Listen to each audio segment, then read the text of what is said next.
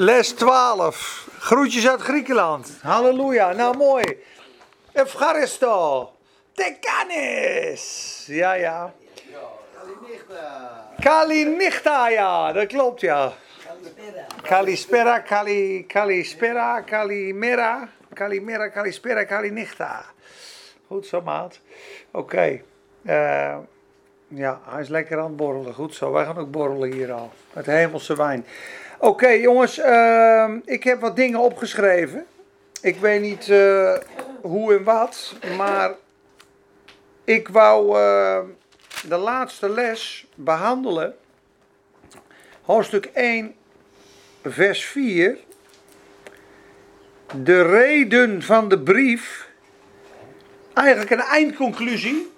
En een vogelvlucht. Ik denk dat dat heel mooi is. De- 1 Johannes 1, vers 4. Daar zegt hij mee, hé Jelte. Daar zegt hij, en deze dingen schrijven wij u, opdat uw blijdschap volkomen wordt. Dat hebben wij in de eerste les ook behandeld, hè?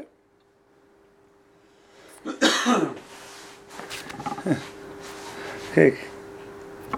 Jelte, je, je gaat even live, let op. Kan ook, hè, tegenwoordig. Dat kan ook, hè.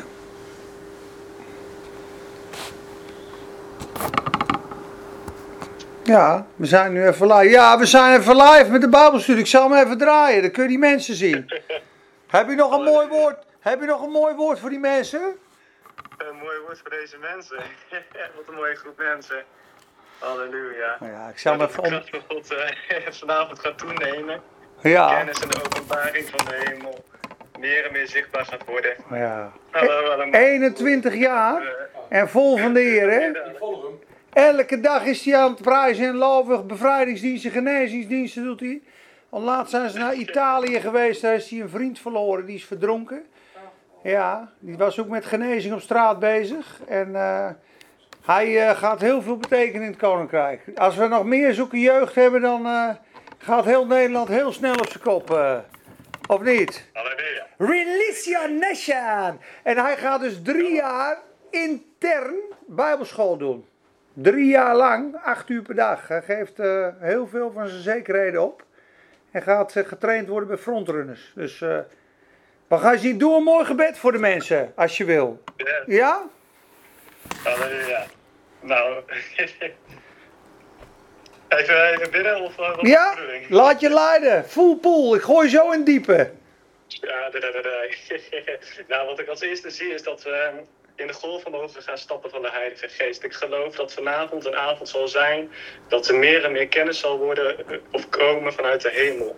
Dat er ehm, golven van aanbidding zullen opstaan, ook vanuit de harten van de mensen die er zijn. Dat we God zullen gaan aanbidden in geest en in waarheid. Dat we zullen weten wat de roeping is, wat de plannen van God zijn voor de komende tijd. En ik zet dat vrij over vanavond, over de meeting die jullie hebben dat de kracht en de aanwezigheid van God zal stromen met golven. Met golven van heerlijkheid op heerlijkheid. In Jezus' naam. Halleluja. Nou, dankjewel broer. We nemen het, we nemen het eh, dankbaar aan in geloof. Halleluja. Stromen van levend water ook over jou. God zegen over je leven en je bediening, hè? Dankjewel. Doei broer. Hoi. Hoi hoi. Nou, even spontane opening, hè? Dat moet kunnen in het koninkrijk. Halleluja. Nee, maar dat is mooi hoor. en deze dingen schrijven wij u, opdat uw blijdschap volkomen wordt.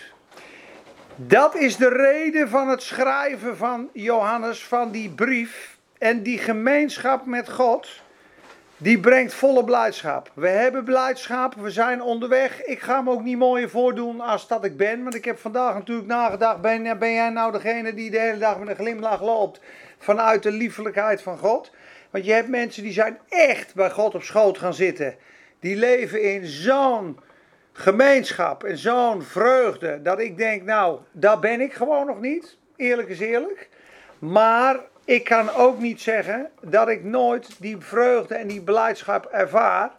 En die vreugde van het kennen van Hem is natuurlijk groeiend en progressief. Daar willen we allemaal dieper in. Maar ook mijn enthousiasme en mijn blijdschap die ik gewoon heb in het leven, steekt ook mensen aan. Dat is ook van de Heer. Dat is ook een gave. En je glimlach en je vreugde, dus we kunnen daarin groeien. Ik wil straks ook wat dingen aanstippen, want de vreugde van de Heer is ook een keus. Het is ook een keus. Verheugt u in de Heer. Verblijd u in de Heer. En wederom zeg ik, verblijd u. De Heer is nabij, zegt hij in Filippenzen 4. Dan zit Paulus in de gevangenis. Zit in de gevangenis. Alle reden om te zeggen, nou, uh, maar ik verheug me erin. Verheug je in de Heer en hij zal je de verlangens van je hart geven. Psalm 37 is ook een keuze. Ik ga wandelen in de vreugde van God, hoe ik mij ook voel. Je weet, de psalmist in Psalm 42, wat buigt u zich neder, o mijn ziel. Ik heb het vandaag echt ervaren. En wat zijt gij onrustig in mij? Hoop op God. Ik zal hem nog loven. En wat ga je in het zwart de ganse dag vanwege de doodsteek in je beenderen van de vijand? Staat er, hè, Psalm 42. Een doodsteek in zijn beenderen. Daar ze de hele dag tegen mij zeggen, waar is jouw God? Waar is die dan? Hè? Waar is die God aan vijen? Het is hartstikke donker, de zon schijnt niet. Waar is die dan, die God? Je hoort hem niet, je ziet hem niet. Het houden van de vijand. En dan zegt hij tegen zijn ziel, ik zal hem nog loven. Psalm 103. Loof de Heer, o mijn ziel. Dan zegt hij gewoon, loof de Heer mijn ziel. Ik heb het zwaar, ik heb het moeilijk, ik voel het niet. Ik zal u prijzen, ik zal u loven. Ook in Habakkuk staat het. Ik je eens wat moois lezen? Dit is een geloofsles hoor. Als je dit kan, dwars door de situatie in de storm heen. Habakkuk 3, daar zegt hij van alles. Als het moeilijk gaat met hem. Maar moet je eens kijken wat een geloofsexpressie van die Habakkuk in vers 3. En dat, of hoofdstuk 3, vers 17. Al zal de vijgenboom niet in bloei staan. De vijgenboom spreekt van gerechtigheid. Gegeven door God. Dus al voel ik mij totaal niet gerechtvaardigd. Al is er geen vrucht aan de wijnstok. Al is mijn vreugde niet te bekennen. Al zal de opbrengst van de olijfboom tegenvallen. Ja, olijfboom is olie, is de Heilige Geest. Ik voel de Heilige Geest niet. Ik ervaar geen vreugde en ik voel me aangeklaagd en veroordeeld. Al zullen de velden geen voedsel voorbrengen en geen zegen en voorspoed. Al zal het kleinvee uit de kooi verdwenen zijn, tegenslag. Al zal er geen rund in de stallen over zijn. Ik ben bijna alles verloren. Nochtans zal ik van vreugde opspringen in de Heer, zegt hij. Mij verheugen in de God van mijn heil. De Heere, Heere is mijn kracht. Hij maakt mijn voeten als die van hinden. Hij doet mij treden op de hoogte. Dit is een, dit is een geloofsdaad hoor. Habakkuk 3 vers 17 en 18. Nog een keer. En dit heb ik vandaag meegemaakt. En dat is echt niet makkelijk jongens. Arno troost, halleluja. Al zal de vijgenboom niet in bloei staan, al zal er geen vrucht aan de wijnstok zijn, al zal de opbrengst van de olijfboom tegenvallen, al zullen de velden geen voedsel voortbrengen, het kleinvee uit de kooi verdwenen zijn en geen rund in de stallen zijn, dan ga ik depressief in een hoekje zitten. Nee, nochtans zal ik van vreugde opspringen in de Heere, mij verheugen in de God van mijn heil. Hij maakt gewoon een vreugdesprong. Hij gaat er dwars doorheen. Kan me niet schelen wat mijn omstandigheden zijn. Kan me niet schelen wat ik voel. Ik verheug me in de Heer. Ik ga staan. Ik juich in de God van mijn verlossing. Dat deed Habakkuk. Dat moeten we af en toe doen. Dwars door alles heen. Ik voel het niet. Alles zit tegen. Ik prijs u. Ik loof u. Loof de Heer, o mijn ziel. Wat buigt u zich neder, o mijn ziel. Hoop op God. Ik zal hem nog loven, die de veelvuldige verlossing is van mijn aangezicht en mijn heil. Dus met andere woorden, ik was te neergeslagen. En de Heer heeft weer een glimlach op mijn gezicht gebracht. Hij is de veelvuldige verlossing van mijn aangezicht en mijn redding. En de verdrukking, mensen, brengt rijke vervulling over verdrukking spreken. We hebben dit allemaal, allemaal niet voorbereid dit. Hè? We gaan gewoon lekker weer surfen. Psalm 68 meen ik, als ik het goed heb. En anders is het 66.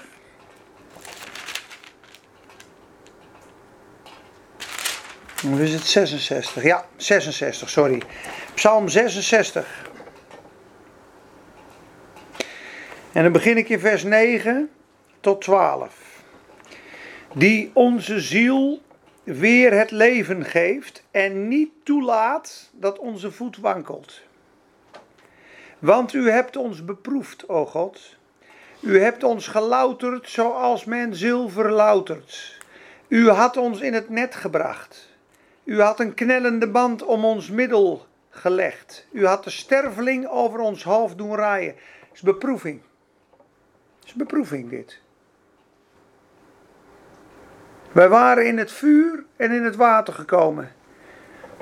Maar u hebt ons uitgeleid met rijke vervulling. Hetzelfde als Psalm 119. Voordat ik verdrukt werd, dwaalde ik. Maar nu wandel ik op het midden van uw weg. Het is goed voor mij dat ik verdrukt ben geweest, want nu ben ik gekomen tot uw volheid.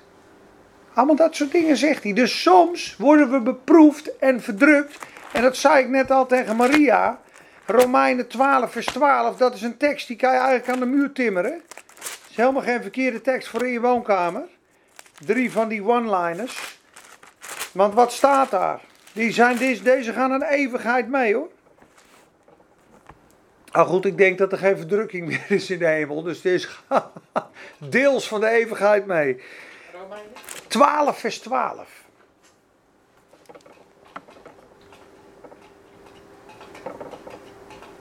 Romeinen 12 vers 12. Daar staat iets tikje minder, een tikje minder. Zo, dat is mooier. Romeinen 12 vers 12, daar staat: Verblijd u in de hoop. Welke hoop?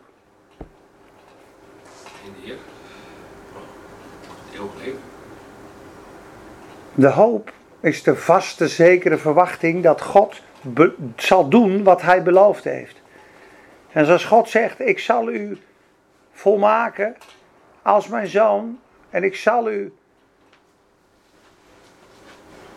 volkomen zalig maken. En ik heb u eeuwig leven gegeven, dan is dat de hoop, dat is dat anker wat vaststaat. Daar mag je en moet je je zelfs in verblijden. Verblijd u in de hoop. Ik heb eeuwig leven. Ik ga nooit meer verloren. God zal het werk wat Hij in mij begonnen is, voleinden. Hij is mijn alfa, maar ook mijn omega. Hij is mijn begin en ook mijn einde. Hij is mijn eerste, maar ook mijn laatste. Hij zal niet toestaan dat u boven vermogen verzocht wordt. En geeft met de verzoeking ook de uitkomst, zodat gij die kunt dragen. Mijn schapen zullen geen zins verloren gaan in de eeuwigheid. Ik geef hen eeuwig leven. De hoop is het eeuwige leven waarin je roemt. Adi Veldhuizen, topper. Dan komt de volgende. Dus je, je verblijdt je in de hoop. Ik ben een kind van God, ik ga nooit meer verloren. Wees geduldig in de verdrukking. Wat ik vaak doe in verdrukking, is dan ga ik dingen zoeken waardoor de verdrukking stopt. Dus ik ga het bestraffen, ik ga het bidden, ik ga het uh, gezag nemen. Maar de Bijbel zegt, wees geduldig in de verdrukking. Die verdrukking is er nou eenmaal. Je kan niet op een knop drukken, verdrukking weg, duivel stop, aanval stop, negativiteit stop. Dat staat er niet. Er staat volhard in het gebed, staat er erachter, maar er staat wees geduldig in de verdrukking. Verdrukking heb jij geen invloed op. Als je verdrukt wordt door een collega die over je roddelt, of als je een tegenslag hebt of een aanval, een verdrukking, allen die godzalig willen leven in Christus Jezus zullen vervolgd worden. Dus die verdrukking heeft ook een goed werk. God maakt ons als zuiver goud door de verdrukking heen. We groeien als kool in verdrukking. Als alles lekker is en geen zuchtje wind, is lekker in je hangmatje. Halleluja, prijs de Heer, mooie dagen. Maar je geloof groeit niet zo hard als in de verdrukking. Persecution is the soil wherein faith grows. Er is zelf iemand hier die, die altijd moeten vluchten met zijn gezin. Die is in Nederland gekomen. En die is nu arts. En die woont in een paleis. En die heeft het goed. En hij zei, ik zou zeggen, de reis naar het paleis. Is altijd groeien in geloof. Altijd vertrouwen. Eruit gestuurd worden op de vlucht. Ik heb altijd op God vertrouwd. En zei, maar nu ben ik eigenlijk op een, op een punt. Ik verdien ik heel veel geld. Ik heb een mooi huis. Ik ben dokter en arts. Maar ik zou je zeggen, mijn geloof is zwakker. Ik hoef niks meer te doen. Die is gewoon een zendingsreis gaan maken naar een zwaar gebied om zijn geloof uit te dagen. Dat hij op God moet vertrouwen. Persecution, verdrukking, is de grond waarin geloof groeit. Dus als je tegenslagen hebt, dat zijn uitdagingen waar je geloof door groeit. Volhard in het gebed. Dat betekent dat we altijd moeten bidden. Maar dat er dus momenten komen dat je geen zin hebt in het gebed. Ik ook niet. Maar daar moeten we in volharden. Volhard in het gebed. Door gebed gaan de bergen plat. Door gebed overwinnen we de Satan. De Heer zegt ook: Je geest is wel gewillig, maar het vlees is zwak. Bid dan dat je niet in verzoeking komt. Met andere woorden, je wil God dienen, maar je vlees gaat echt de andere kant op. En als je dat vlees niet ontkracht door gebed, dan is je geest niet sterk genoeg. Dan overwint dat vlees. De geest is wel gewillig, maar het vlees is zwak, zegt de Heer Jezus. Bid dan, zodat je niet in verzoeking komt. Want de verzoeker komt hoor. Die komt een keer aan je deur kloppen. En als je dan veel vlees hebt, ga je voor de bijl. Maar heb jij die dag je noden, je wensen, je verlangens, je verdriet, je moeite, je zorgen bij de Heer gebracht? En heb jij bij de Heer gedronken van zijn leven, zijn water? Zit je vol geloof, vol, vol kracht? Dan, dan, slaag je met vlag en wimpel. In de geest is de duivel geen match, geen wedstrijd voor ons. Want dan is Christus sterk in ons. Daarom moeten wij ten alle tijden voortdurend vol zijn van de Heilige Geest. En ik ga nu de vogelvlucht beginnen van het boek Johannes. Want hij geeft vijf tot zes praktische tips heeft hij gegeven in hoofdstuk 1 en 2. Want hij zegt namelijk, deze dingen schrijf ik u opdat uw blijdschap volkomen wordt. Daar zitten we hiervoor, daar zit ik ook hiervoor. Hoe is nagaan dat je blijdschap volkomen wordt? Dan zeggen, jongen, ik, ik, ik wandel met God. Mijn blijdschap is volkomen. En die stappen waren, hoofdstuk 1, wandel in het licht. Deze dingen schrijf ik u, dat uw blijdschap voorkomen wordt. Eerst was wandel in het licht, wees oprecht. Wie in de duisternis wandelt en zegt ik ken God, die is aan het liegen. Wees oprecht, wees eerlijk. Wandel in het licht. De tweede is, beleid, erken je misdaden en je zonden. Dan zijn we, dan gaan we niet spitten, maar als je geroddeld hebt of als je ervaart dat er iets is tussen jou en een broeder, of dat je ergens naar gekeken hebt, of dat je op een verjaardag domme dingen gedaan hebt, dat verstoort dat leven met God. Beleid het gewoon. Zeg, Heer, was mij met uw bloed. Ik zat ernaast. Ik heb geen excuus. Dank u dat u voor deze zonde aan het kruis gegaan bent. Heer, was mij. Ik beleid dit. Ik herken dit als absoluut verkeerd. Ik wijs het af. Heer, was me alsjeblieft. Het spijt me, Heer. Ik herken dit. Dit is echt verkeerd. Oprecht. Net zoals je ruzie hebt met je geliefde. Je hebt, uh, je tegen de gesnauwd in de supermarkt waar iedereen bij stond. En je vrouw is verdrietig. Nou, dat komt niet meer goed, kan ik je vertellen. Dan ga je een bloemetje halen, zet ze donder op met bloemen. Je zult toch eerst moeten zeggen, lieverd, dat is echt totaal verkeerd ook gedaan heb. Ik heb je heel erg gekwetst. Ik, ik ervaar het, ik voel het. Ik vind het echt verschrikkelijk. Wil je me alsjeblieft vergeven? En dan zal ze patranen laten en dan zal ze nog even snikken en even een kwartiertje om erheen kijken en zeggen, het is goed lief, het is goed nu. En dan is er vrede in die relatie. Dat is exact wat Johannes beschrijft. De relatie met God kan verstoord worden door zonde. En de relatie met God kan niet eens tot stand komen als je niet eerlijk bent. Dus hypocriete mensen kan de Heer ook niet zegenen. Dat zei iemand een keer, die vroeg aan de Heer, waarom, waarom kon je niet, waarom kunt u niet gewoon hypocriete mensen ook zegenen? Want u bent barmhartig en goed en genadig. Want er was iemand die kwam niet oprecht naar Jezus, dat was de Syro-Finenische als ik het goed zeg, vrouw, die zei namelijk, gij zonen Davids, heb medelijden met mij. Maar dan staat er in de Bijbel, hij antwoordde haar geen ding. Hij negeerde haar volkomen. En toen, toen vroeg iemand aan de Heer, waarom, waarom doet u dat? En toen zei de Heer, zij doet zich mooier voor dan wie ze is, want ze was een buitenlandse vrouw. Ze doet net als een Jodin is, gij zonen Davids. Maar dat zeggen buitenlanders niet. Dus ze kwam heel schijnheilig tevoorschijn. Hij negeerde haar. En ze ging maar door. En op een gegeven moment zegt ze dat van die puppies en die kruimels. En dan draait hij zich om. Groot is uw geloof. De duivel is uit uw dochter gevaren. Maar toen bad diegene. En die zei: Heer, waarom kunt u niet gewoon hypocrisie zegenen? Toen zei God: Als ik dat doe, dan komt iemand dus nooit in de waarheid. Dan blijft hij in de leugen leven. Dus God wederstaat de hoogmoedige. Kom jij en doe je je mooier voor dan je bent bij de Heer dan zal hij daar niet op ingaan, want dan wandel je niet naar de waarheid en het licht. Dus je kan beter in het Spakenburgs snikkend naar God toe gaan, dan dat je mooie lovende woorden gebruikt en je groot houdt. Daar kan de Heer weinig mee. Dus we moeten tot het einde van onszelf komen. Ook in die dingen. Dus oprechtheid, in het licht leven, je zonde beleiden. En wat was de volgende? Het woord gehoorzamen.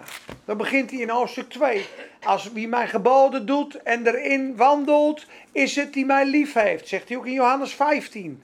Kunnen we straks lezen. Wie mijn woorden houdt, in hem is waarlijk de liefde van God volmaakt geworden. Dus wandelen in zijn woord is dus de Bijbel, gehoorzamen. Dat was stap 3. Daarna was het broederliefde die vogelvlucht. In 1 Johannes. Dus we zitten nu, staat de broeders liefhebben, daarna de wereld niet liefhebben, staat er boven. Dus je kunt oprecht zijn met God, je kunt je zonde beleiden, je kunt het woord nastreven, je kunt je broeders liefhebben en dan kun je in de volgende valkuil vallen, dat is die wereld, die wereldgelijkvormigheid, die toch eventjes zo langskomt. En daar hebben we allemaal mee te maken en dat is lastig. Want als je je volledig bij die wereld afscheidt, dan krijg je ook een beetje een scheef gezicht. Of misschien denk je van ja, dan mis ik iets. Maar de boze is de God van deze wereld. En het woord verstikt. Dat zie je in de gelijkenis van het zaad. de goede grond of de slechte grond, hè, dat, is, dat, valt op de stenen, komt niet op. Dan heb je de tweede grond, die komt tussen de doornen en de distels. Of eh, tussen het, uh, wat, wat is het, uh, de tweede, in steen, laagje zand. Dat hart is nog hard. Die geloven voor een tijdje. En die andere zit tussen de distels en de doornen. En dan staat er, de wereldse pleziertjes, de zorgen en het geld en de misleiding van de zonde en de rijkdom verstikken het woord. Dus je kan dus het woord ontvangen, een zacht hart hebben. En als die wortels dieper willen komen, komt er op een gegeven moment onkruid langs. De zorgen, de rijkdom, de misleiding van de zonde. De zorgen van deze wereld. Hoe moet ik mijn bedrijf runnen? Ja, dan gaan de drie weg. En je maakt zoveel zorgen dat het woord krachteloos wordt. En dat is een grond waar heel veel mensen zitten. Grondje drie. Ik hou van Jezus, maar dat laatste stukje vind ik heel moeilijk om over te geven. Daar hebben we allemaal last van. De vierde grond, dat is de beste grond. Wie uit de goede schat van zijn hart vrucht draagt, 30, 60 en 100voudig, met volharding in goed doen, zal vrucht dragen. Dat woord komt in hem, hij bewatert het, hij heeft een relatie met de Heer, hij is afgescheiden van de wereld. Betekent niet dat hij geen rijkdom kan hebben of dat hij geen plezier mag maken. Maar het verstikt bij hem de relatie met God niet. Het worden geen afgoden. En als hij een zorgen heeft, geeft hij ze aan de Heer. En als hij rijkdom heeft, zegt hij: Heer, dit is geld is van u. Ik geniet ervan, maar het is onder uw heerschappij. En de zonde, de misleiding, die overwint hij. En als er dingen zijn waardoor je merkt: dit trekt aan mij, dit is de wereld. Ja, dat verstoort de liefde van de Vader. En dat is de moeilijkste, vind ik ook de moeilijkste. Soms ben je op een verjaardag of kijk je een film of weer naar een feestje en denk je het is gezellig. Het is toch een klein stukje wereld. Maar als je afgezonderd wil leven zonder religieus te worden, zonder wettisch te worden, dan is dat leven van Christus, houdt dat in stand. Daarom zeggen ze, die zalving die is heel kostbaar. Dat is namelijk, de volgende punt was de misleiding doorzien van de Satan, de antichrist. En de laatste was de zalving die u ontvangen hebt. Leef daarbij, bij die leraar. Maar die zalving is zo kostbaar, je moet eigenlijk nagaan, als ik nu zelf over hem heen gooi van 2 miljoen. En ik zeg, joh, elke keer als je daar en daar komt, gaat die, gaat die zalving uh, die gaat stinken. Dan moet je kostbaar bewaken. Zo wandelen die mensen die dat bewaken. Dat is heel precious. Jezus' aanwezigheid om je heen kost een prijs. Er is een zelfverloochening nodig. De redding van Jezus is gratis uit genade. dat eeuwige leven hebben we gehad. Maar het eeuwige leven onderhouden is een prijs. Daar eist de Heer wat van. De eist die dat je in het licht wandelt, dat je zonde beleidt, dat je in het woord wandelt, dat je je broeder lief hebt, dat je de wereld verzaakt, dat je je niet laat misleiden door de Satan en dat je leeft door de zalving van de Heilige Geest. Het zijn zeven punten. En dat is niet om punten te scoren bij God of om meer liefde te krijgen bij God, maar dat is om vrucht te dragen in het koninkrijk. En dat jij zegt: Heer, u bent mij alles waard. U bent mij meer waard dan die wereld. U bent mij meer waard dan de pleziertjes. U bent mijn alles, want u gaf alles voor mij. Ik wil ook alles van u geven. En mensen, dit is een proces, daar mogen we ons leven in leren. Maar als, hoe sneller je dit gedaan hebt, hoe gelukkiger en hoe voller je wordt van de Heilige Geest. En dan kom je op het punt dat uw blijdschap volkomen wordt. Ik verlang ernaar, maar het kost een prijs. En de mensen die daar wandelen hebben alles verzaakt. Ik las het vorige keer nog in Lucas 14, vers 33. Indien gij niet alles achter u laat, kunt u mijn leerling niet zijn. En als uw moeder en vader en dochter meer lief heeft dan mij, kunt u mijn discipel niet zijn. Ja, en zelfs uw eigen leven kunt u mijn leerling niet zijn. Je kan niet groeien, je kan niet bloeien, je kan niet vrucht dragen. Je gaat niet groeien in de kennis van God. En je verlangt ernaar, maar je kan er niet toe komen. Omdat deze zeven punten ertussen staan. En dat is een kruis. En dat is een prijs en dat is een crisis. En dat is heel erg uh, uh, pittig. Laten we dat alsjeblieft niet uh, onder sneeuw als oh, dat doen we wel even. Nee, dat is oprecht zijn naar God. In het licht leven. Je broeders lief hebben als ze je kwetsen. De wereld verzaken als iedereen meegaat. God lief hebben.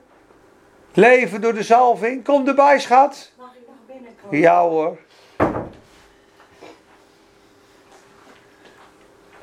Ga lekker zitten. Hi. Hi. 9, nou dan zijn we met z'n tienen. Het, het, getal is compleet. Amen. Amen. Ik zeg net, wij zijn een beetje een vogelvlucht aan het doen over het boek 1 Johannes. Wat hij eigenlijk geschreven had, en dat was vers 4. Hè. Ik heb u deze dingen geschreven dat je blijdschap volkomen wordt. En hij geeft zeven punten in de eerste twee hoofdstukken. Hoe je die blijdschap volkomen kan laten worden.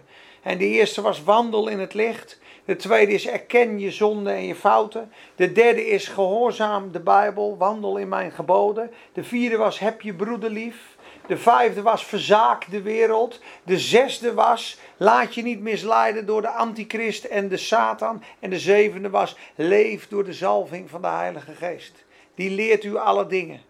Dat zijn de zeven punten van de brief van Johannes die erop gespitst zijn om de Satan te bannen uit ons leven, de zonde te bannen uit ons leven, het duister, de leugen, de wereld. Zie je de tegenstanders? Wenn het allemaal gaat over die synoniemen, licht, liefde, waarheid, leven, woord. En wat staat er tegenover? Tegen, tegen het licht staat het duister, tegen de liefde staat de haat, tegen het woord staat de leugen. Zie je, de Heilige Geest is de misleiding, is de Satan zelf. En wat is die ander? De wereld. Ga je in de geest leven of ga je in de wereld leven? En die scheiding maakt hij tussen duister en licht. Wil je bij God horen, dan wil je volledig bij God horen. En niet half-half. En daar is het punt, jongens, waar heel veel mensen blijven steken waaronder ik zelf ook. Want wij willen allemaal in die volheid leven, maar de prijs betalen voor die volheid zijn er maar een aantal. Maar het, ze zeggen, de mensen die daar gekomen zijn, die zeggen, jongen, het is het duizend keer waard. Wigglesworth, die was op een gegeven moment, en luister, daar heeft hij 14 jaar over gedaan. Dus wijs jezelf niet af. Smith Wigglesworth, 23 doden opgewekt. Wonder op wonder op wonder. Verstopte de schoenen van zijn vrouw voor de kerk. Hij was altijd anti.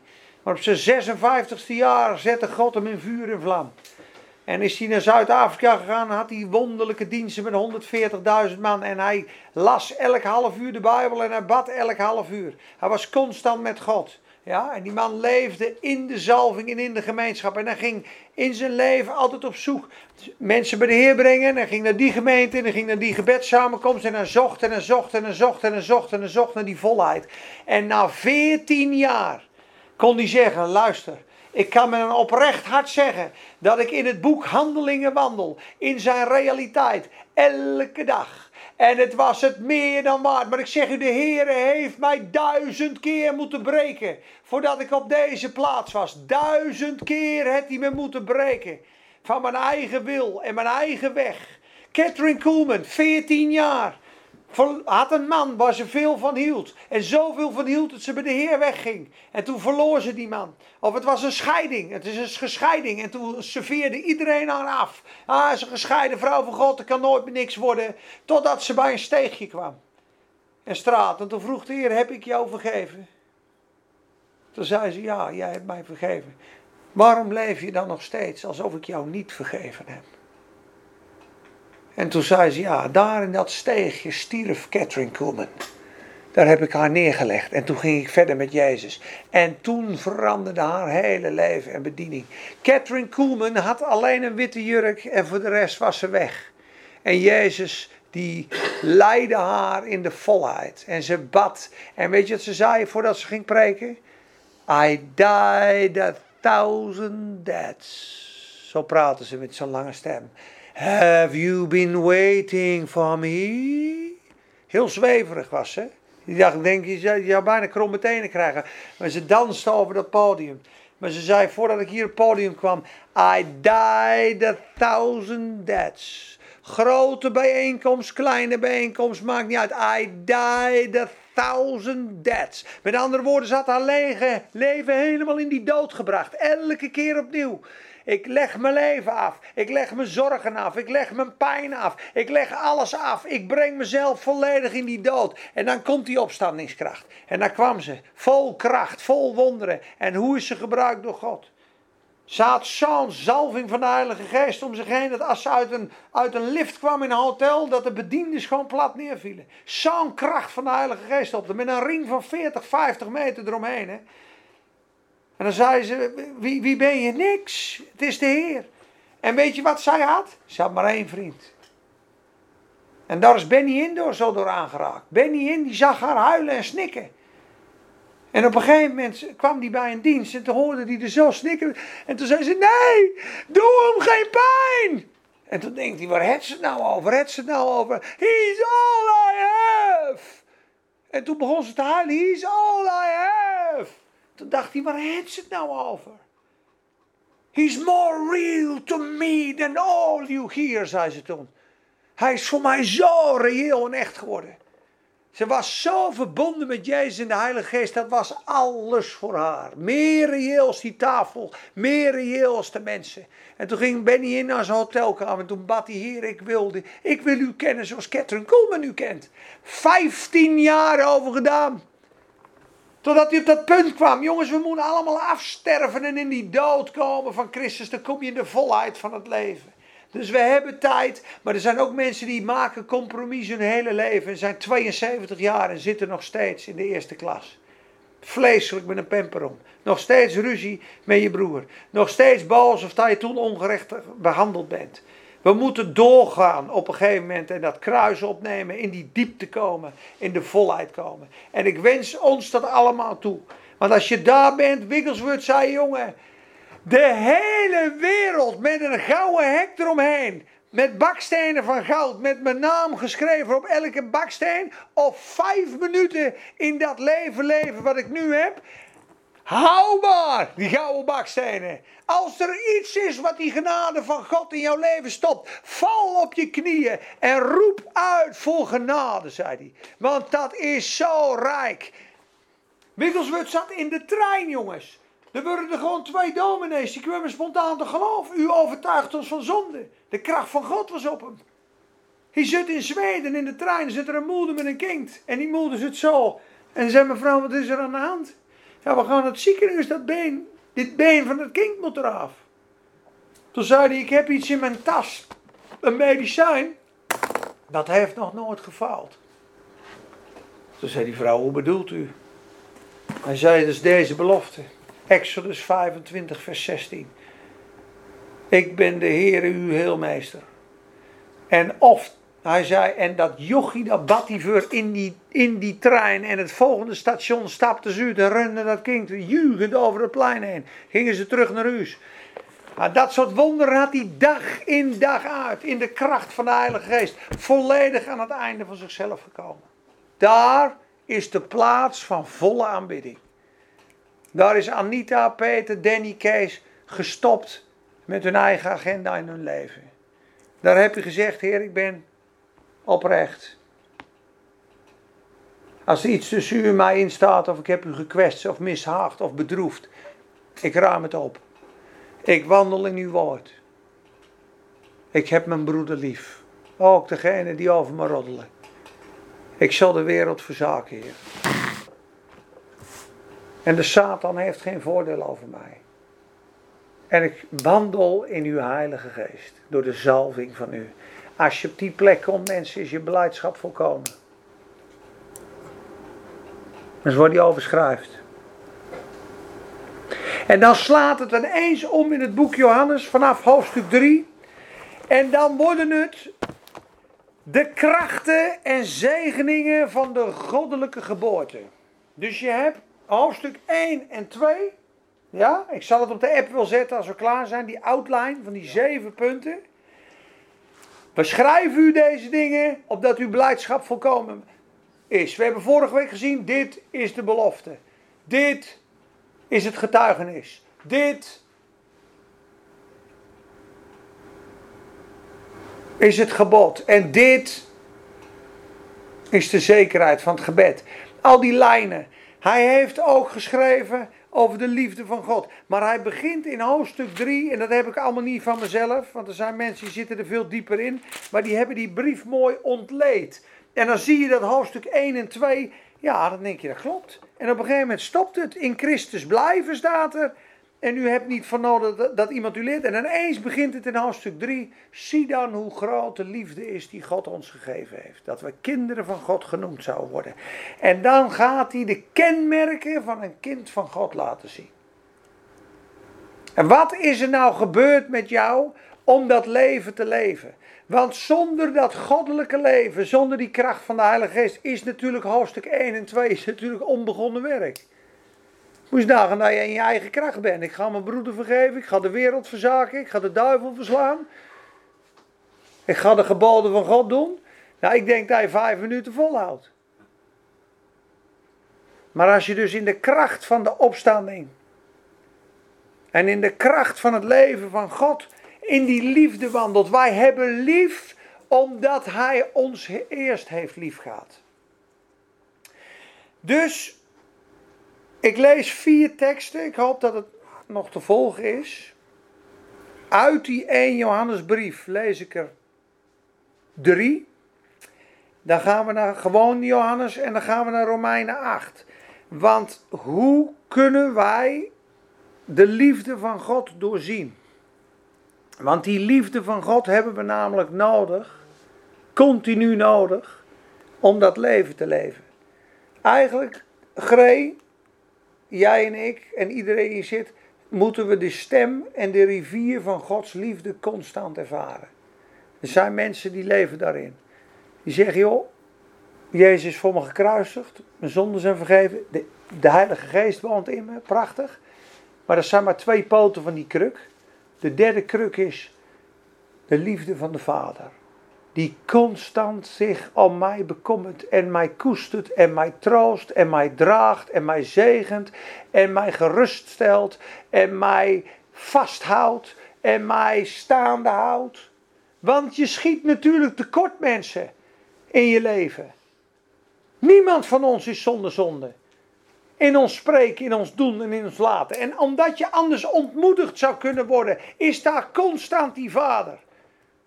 Die zegt: Ik hou van je, ik heb het al voor jou volbracht. Ik draag jou. Die liefde, we hebben God lief omdat Hij ons eerst heeft lief gehad. Dus als wij willen wandelen in het volle nieuwe leven, moeten we doordrongen zijn van de liefde die God voor ons heeft. En dat begint in hoofdstuk 3, vers 16. En daar staat: Hieraan leerden wij de liefde kennen. Hoe konden wij die liefde herkennen?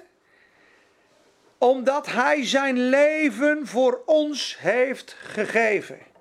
Dus het feit dat Jezus zijn leven voor ons heeft gegeven, is de ultieme uiting van Gods liefde voor ons. Dat staat buiten kijf. Dat zegt hij namelijk in het volgende hoofdstuk weer. Hoofdstuk 4, vers 9.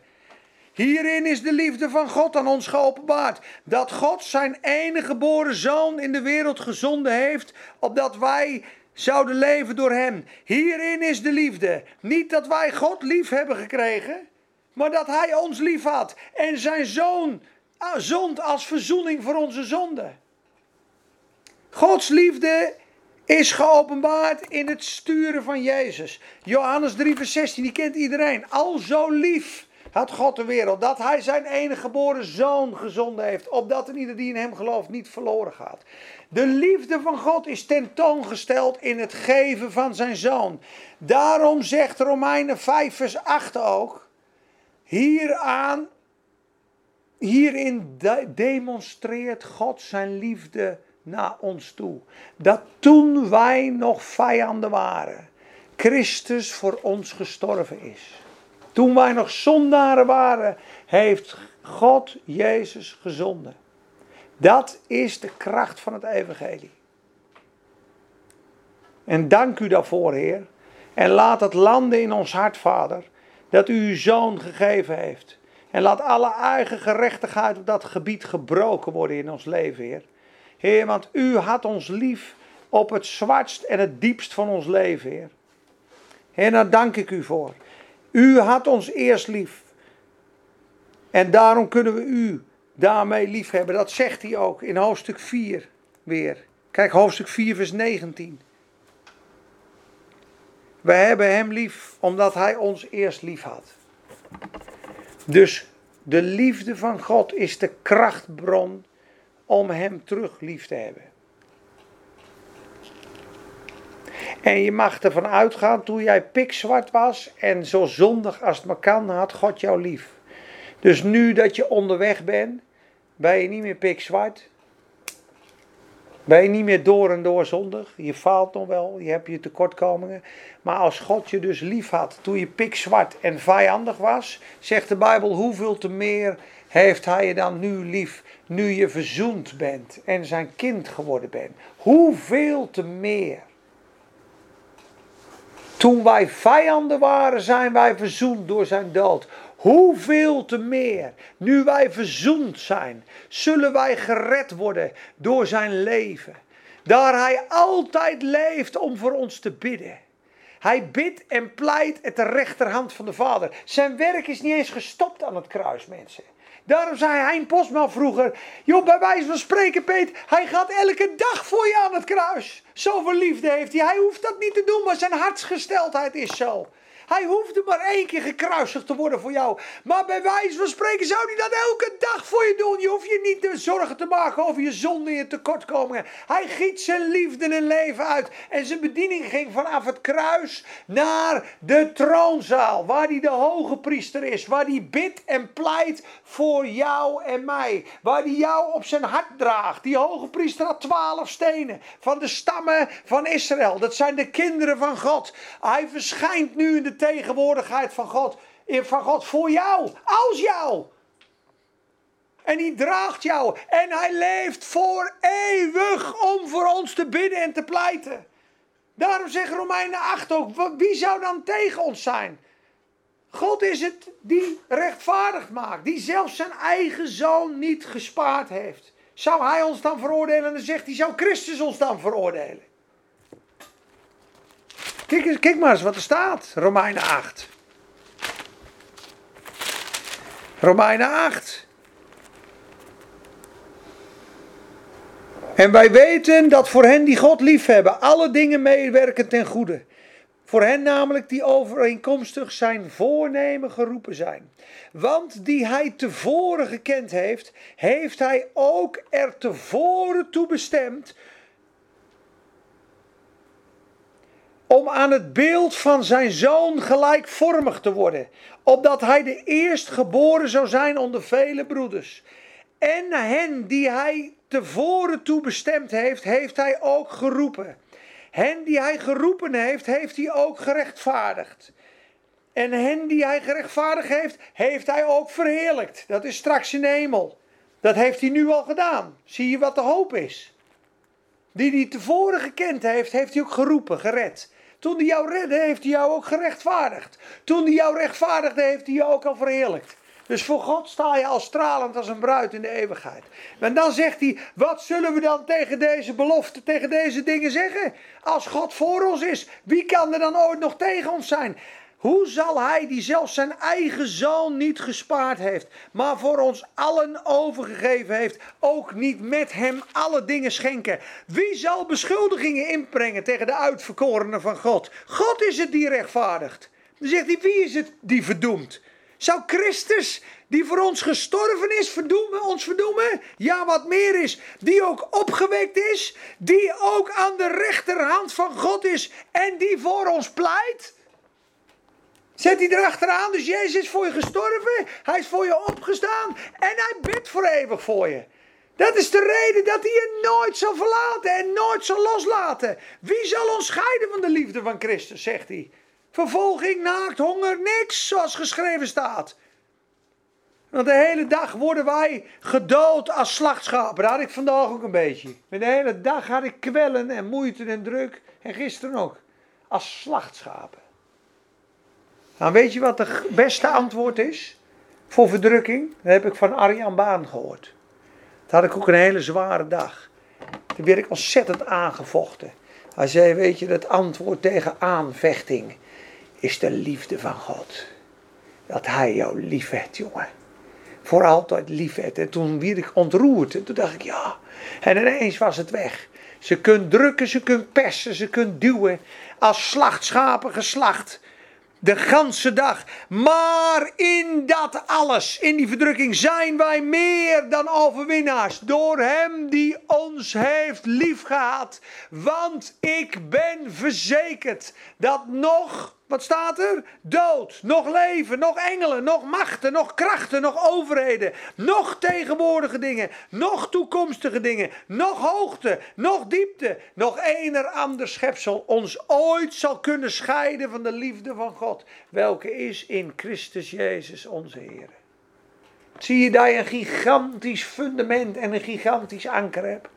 Niets kan je scheiden van God. Hij bidt voor jou. Hij is je hoge priester. Hij is je vader. Hij koestert je. Hij houdt je vast. Daarom staat het toch zo mooi. En hij kan niet zondigen, want zijn zaad blijft in hem. Dat kind van God is dat kind van God. En dat ben jij. En die vaste grond heb je. En nou is het zo mooi als je antwoord geeft aan dat God gaf jou dat eeuwige leven. Dat je dat eeuwige leven ook uitleeft, ontvangt en met hem wandelt, zodat ook anderen dat eeuwige leven ontvangen. Zodat je vrucht draagt.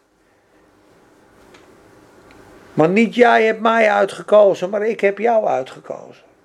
Opdat je zou heen gaan en vrucht zou dragen en dat je vrucht zou blijven. Hierin is mijn Vader verheerlijk dat je veel vrucht draagt. Maar willen we vrucht dragen, zullen we de wereld moeten verzaken en de Satan onder onze voet moeten houden. En in het woord, in het gebed en in de kracht van de Heilige Geest zijn. Anders ga je niet vrucht dragen. Gewoon een kind van God, houdt God van je, maar kom je niet tot je volle doel en bestemming. En mis je die grote blijdschap, die grote zegen, die kroon, die blijdschap, die kennis van God. En overwin je niet de wereld. Je, je overwint uiteindelijk altijd weer de wereld, want God maakt je klaar. Maar dan zul je het in dit leven niet tot een goed einde brengen in je volheid. En dat is zonde, dat is je doel missen. En er wordt nergens gepreekt, want in de kerk zeggen ze, de man mag komen. Maar dat is het begin, jongens, dat je tot leven komt. Als je er maar mag komen, als ik maar met een tandenborstel de hemelse vloer mag aanvegen. Het is hier een tranendal. Moeite en pijn is in onze dagen. En dan blijf maar in het natuurlijke denken. Maar nooit zul je een duivel uitwerpen. Nooit zul je je handen opleggen. Nooit zul je met gezag spreken. En nooit zul je dat leven van Christus ervaren zoals hij het bedoeld heeft. En ik heb deze dingen tot u gesproken, dat mijn vreugde in u blijft. Zegt hij, zullen we eindigen met hoofdstuk 15 van Johannes, want anders wordt het redelijk veel. Hebben we nog maar twee minuten? Hoe kan dat, hé? Oh. Ik hoop dat hij wel deur loopt.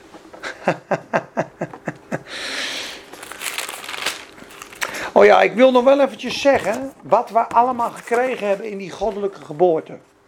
Dus doordat je uit God geboren bent, heb je geestelijke ogen. Nieuwe geestelijke ogen. Je geest is open. Dus je kan openbaring van God ontvangen uit het woord, in gebed, profetisch, door de Heilige Geest. Je hebt nieuwe ogen gekregen. Ja, wie beseft dat hij een kind van God is en weet waar hij naartoe gaat, zegt de Bijbel, die reinigt zichzelf zoals hij rein is. Dus er is een heiligmakingproces in jou aan de gang. Doordat je beseft dat je een kind van God bent, komt er een onbewuste kracht in je vrij die God wil liefhebben, die God wil dienen, die God wil behagen. En die rein als een bruid straks voor hem gevonden wil worden. Dat is de tweede. We hebben gemeenschap met God gekregen. We hebben rechtvaardige wandel. We hebben broederliefde. Als je in de goddelijke, in de goddelijke natuur stapt, zul je een verlangen krijgen voor goede werken. Je hebt overwinning. Je hebt eeuwige zekerheid. En je hebt het voorrecht van gebed. This is the confidence. Dit is de vrijmoedigheid die wij van hem hebben. Dat als we iets bidden naar zijn wil, hij ons hoort. Hebben we vorige week behandeld.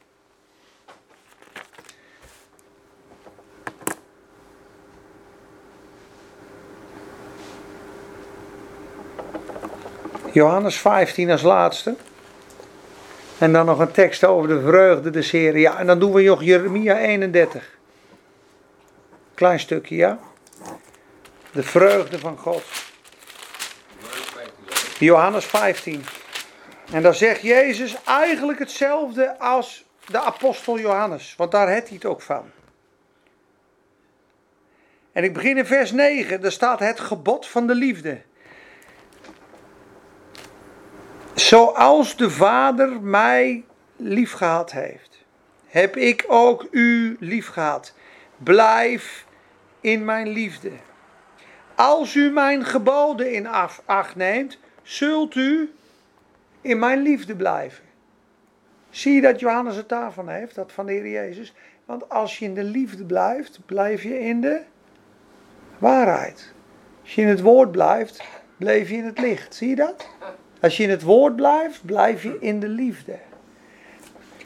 Zoals ik de geboden van mijn vader in acht genomen heb en ik in zijn liefde blijf. Deze dingen heb ik tot u gesproken, opdat mijn blijdschap in u zal blijven. En uw blijdschap volkomen zal worden. Van wie heeft hij het, Johannes? Van de Heer Jezus. Daarom begint hij zijn brief zo. We hebben deze dingen gesproken dat uw vreugde volkomen mag worden.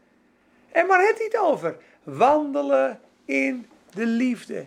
Wandelen in de geboden van God. En dit is mijn gebod, dat u elkaar lief hebt zoals ik u heb lief gehad.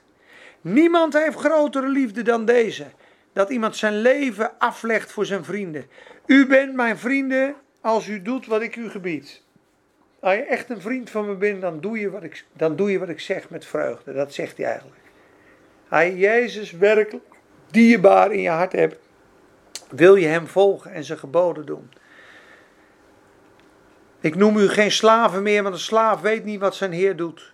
Maar ik heb u vrienden genoemd, omdat ik u alles wat ik van mijn vader gehoord heb bekend heb gemaakt.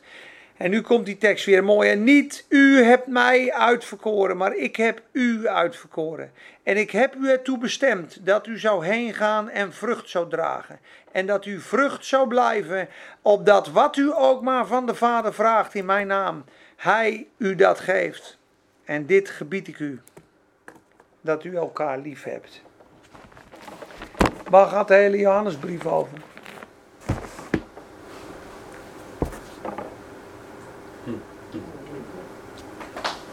Gemeenschap met God en met je broeders. Dat je elkaar lief hebt. Dus blijf je in de liefde met God. En blijf in de liefde met je broeders. Dan zul je ook in de liefde en het leven van God blijven. En dan zal ook de vrede, de vreugde en de vruchten zijn. En je snapt zelf wel dat als de Bijbel zegt, de Heer zegt, de, de liefde doet zijn naaste niet kwaad. Want de wet zegt, je zult niet stelen, je zult niet liegen, je zult dit niet. De liefde is de vervulling van de wet. Dus als jij in de liefde wandelt, ga je niet roddelen over je broeder, ga je niet stelen over je broeder. Daarom is dat een pad, dat is dat nauwe pad, jongens. Ze het over de brede en de smalle weg. Maar het nauwe pad is het pad van het woord, is het pad van het liefde. En we worden best wel vaak op een dag uitgedaagd om niet naar de liefde te wandelen. En als jij kiest om in de liefde te wandelen en God te gehoorzamen, dan heb je eigenlijk een stukje van je eigen gerechtigheid en je eigen leven aan God gegeven. Ik sla hem het liefst voor zijn kop, maar omwille van u, Heer, zegen ik. En zo blijf ik in uw liefde. En alle andere dingen zal God in ons volmaken. En we zijn allemaal onderweg. Maar ik, mijn verlangen is dat ik zo in de liefde mag wandelen. Dat je in die beleidschap bent, dat je in die vervulling bent. En ik zoek er ook naar, lieve mensen. Echt. Maar ik geloof echt dat de krachtbron is. De mensen die werkelijk leven in die liefde zijn mensen die zijn gestopt om zelf te leven. Maar er zijn ook mensen die een hele diepe openbaring hebben van Gods liefde voor hun. Die ben echt thuisgekomen. Ik zie het ook bijvoorbeeld bij Johan Toet. Die heeft echt iets gepakt. Ik ben goed genoeg. Met al mijn tekortkomen. Ik ben goed genoeg. God is blij met mij. God is dol op mij. En dat is het punt, jongens, daar we van verlost moeten worden. Want die religie, die godsdienstigheid zegt, joh, je hebt toch weer niet goed gedaan vandaag. Je verdient Gods liefde niet. Maar het is genade. Ja? Laten we bidden. Vader, Heer, we danken u, Heer, dat u dit wonder in ons hart bewerkt. Vader, ik bid, Heer, voor alle mensen die moeite hebben dit te ontvangen. Of om dit uit te wandelen, Heer. En we erkennen ook, Heer, alle dingen die daar nog tussenin staan met ons, Heer. Heer, onze wederspannigheden. Heer, onze wereldgelijkvormigheid. Heer, onze onvergevingsgezindheid naar broeders. Heer, onze ongehoorzaamheid aan uw woord. Heer, ons verlangen en afgoderij in zoveel dingen. Heer, we beleiden het, we erkennen het, Heer. We vragen er ook oprecht vergeving voor en we vragen een wassing in uw bloed.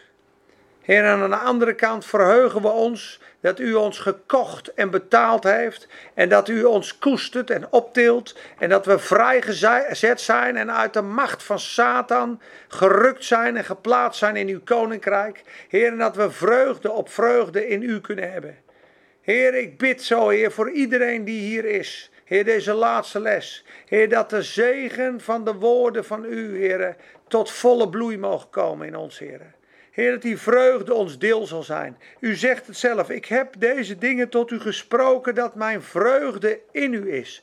En in u blijft. En volkomen in u wordt. Heer, en dat het is wandelen in gehoorzaamheid in uw woord. Naar uw woord. Heer, en naar uw liefde. En dat bid ik zo, Heer, dat die vreugde mag doorbreken in ons leven. Heer, we breken ook elke vloek van religie die op ons ligt.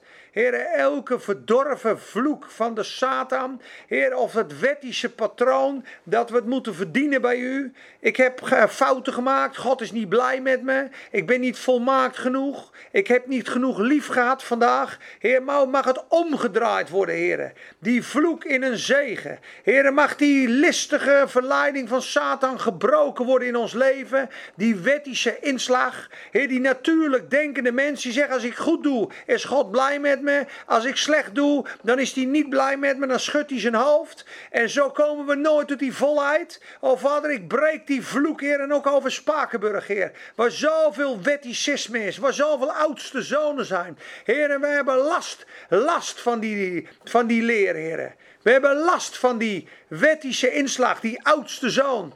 Hmm.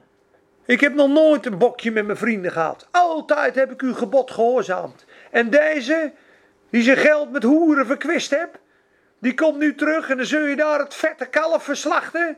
En een gewaad en een ring, rot op joh, met die hoerenloper.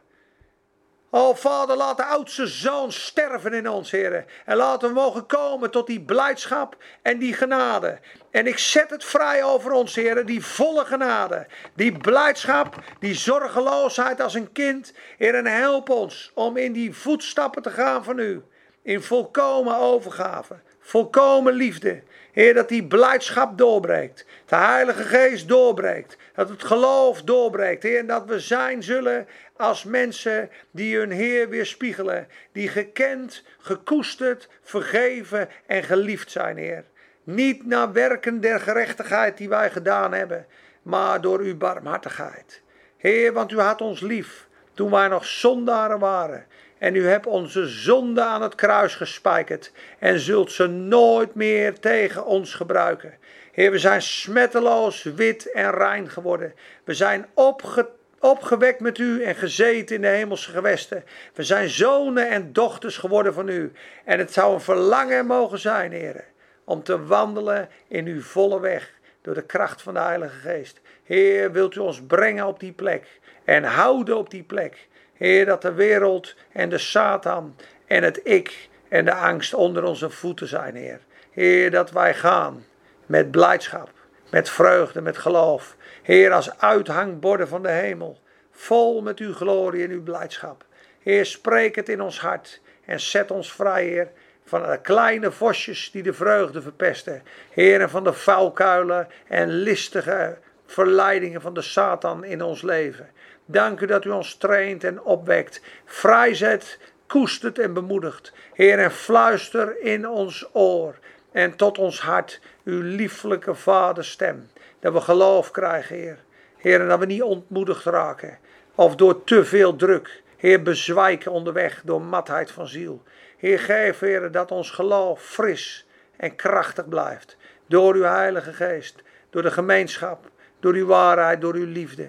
O Heer Jezus, kom en red ons in onze wandel. Want u hebt ons gered, Heer, zoals de psalmist zegt. U hebt mijn ziel gered van de dood. Zult u ook mijn voeten niet redden van struikelen.